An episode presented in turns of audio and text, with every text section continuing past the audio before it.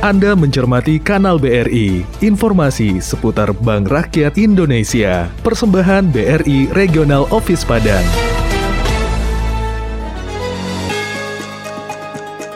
BRI melayani setulus hati.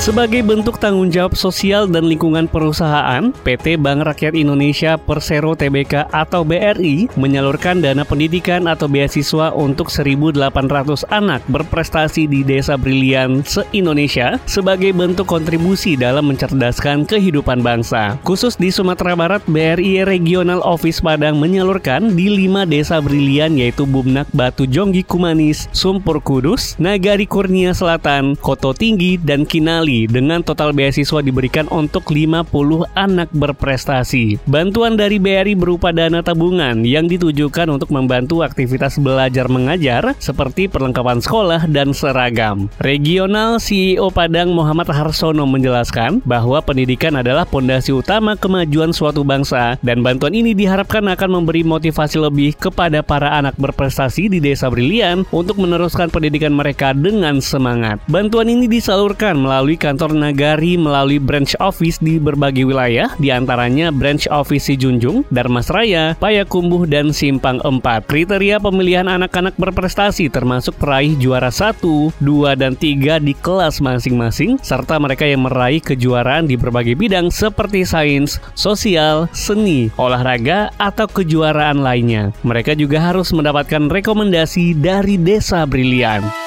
Anda baru saja mencermati Kanal BRI. Program ini hadir setiap hari di jam 14 waktu Indonesia Barat. Persembahan BRI Regional Office Padang dan Radio Klesi 103,4 FM.